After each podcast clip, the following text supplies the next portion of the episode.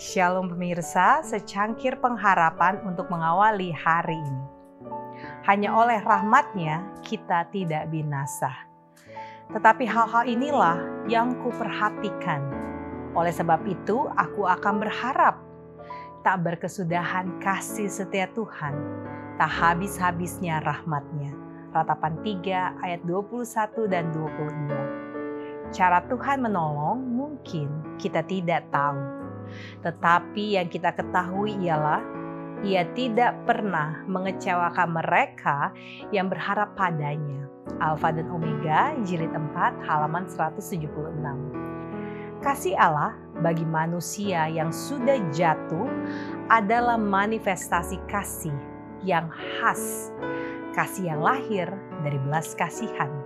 Karena semua manusia tidak layak Belas kasihan menyiratkan ketidaksempurnaan objek yang ditujunya. Karena dosa, maka belas kasihan digunakan secara aktif. Para malaikat memandang dengan heran dan takjub atas misi Kristus ke dunia.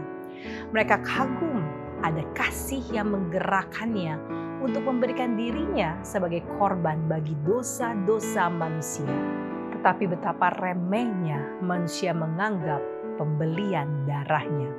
Tesimonis jilid 7 halaman 264 sampai 266. Mereka bergaul dengan kita dari hari ke hari, memerlukan pertolongan kita dan tuntunan kita. Mungkin dalam keadaan pikiran yang sedemikian rupa bahwa satu perkataan yang diucapkan pada waktunya akan menjadi seperti sebuah paku pada suatu tempat yang pasti.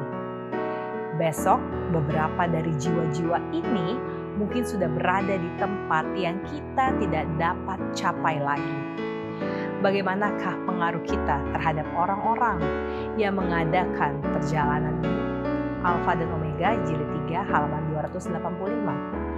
Allah yang kita sembah itu panjang sabar, tidak habis-habisnya rahmatnya, Sepanjang masa pintu kasihan terbuka rohnya. Mengajak manusia supaya menerima karunia kehidupan.